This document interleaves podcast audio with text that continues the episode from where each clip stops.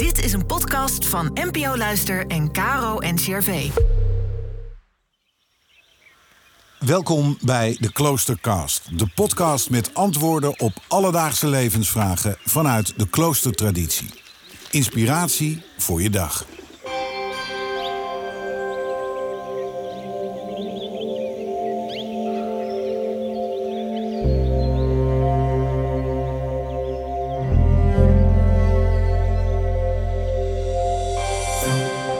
Vandaag, eerste kerstdag, geeft Guido van Bellen antwoord op de vraag: Wekt het kind in de kribbe uw zachtheid tot leven?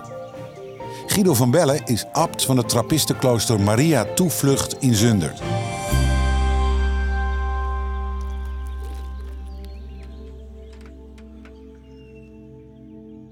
Vandaag wil ik wat mijmeren over kerst, het feest van de menswording. Een niet alledaags woord, maar mens worden vind ik persoonlijk een actieve expressie van datgene wat we met kerstmis vieren. We vieren namelijk dat God ons meer dan rakelings nabijgekomen is. Hij is niet tot ons gekomen in almacht en kracht. Hij is tot ons gekomen in zijn meest kwetsbare vorm van liefde, in de gestalte van een kind. In de kwetsbare gestalte van een kind toont hij ons zijn gelaat. Wie naar het kind in de kribbe kijkt, kijkt naar God. Zo is God mens geworden. Dit beeld van God staat haaks op ons theologisch denken dat God almachtig is. De evangelist Lucas presenteert ons een uitgebreid geboorteverhaal waarin hij een nieuwe kijk op God presenteert. De redder, de Messias, die aan de marge van een samenleving geboren wordt, is een hulpeloze baby en geen held op een strijdros. Een pasgeboren en hulpeloos mensenkind in doeken gewikkeld. Zonder hulp van een volwassene zou niet overleven. En vooral, zonder borstvoeding van de moeder zou het kind spoedig overlijden.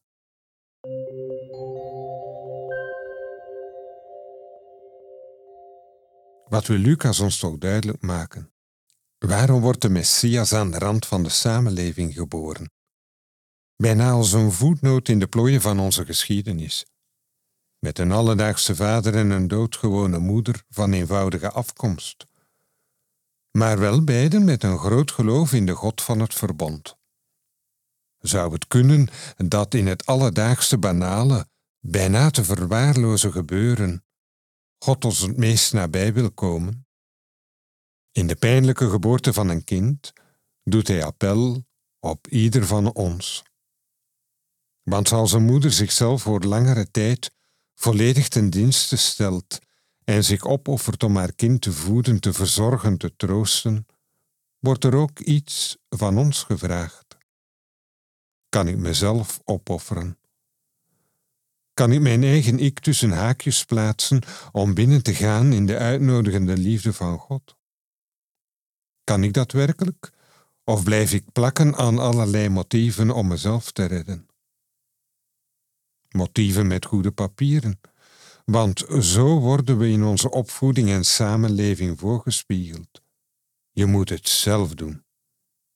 Wat juist is, je moet het zelf doen. Niemand kan het in jouw plaats waarmaken. Hoewel het daar meestal toch bij blijft, is dat niet het einde van het verhaal. Er is volgens mij nog een verdere beweging mogelijk, en dat is de dynamiek van de liefde. Een liefde zoals we die vinden bij de geboorte van een kind. God ontmoeten is in de liefde binnentreden. In de liefde binnentreden is mens worden. Want alleen de liefde die zich uitdeelt, maakt ons tot mens.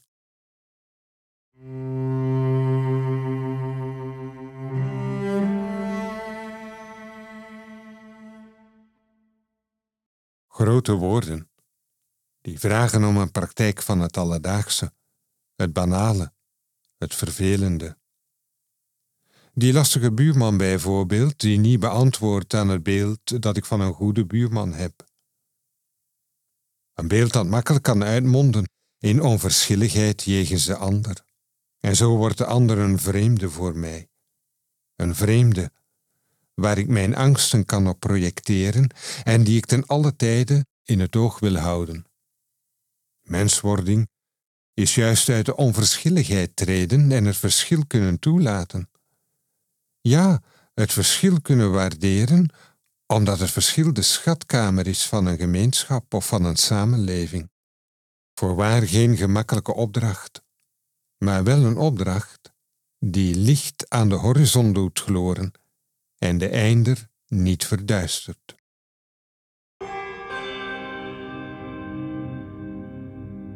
Uw oosterhuis dicht, wek mijn zachtheid weer, geef mij terug de ogen van een kind dat ik zie wat is en mij toevertrouw en het licht niet haat.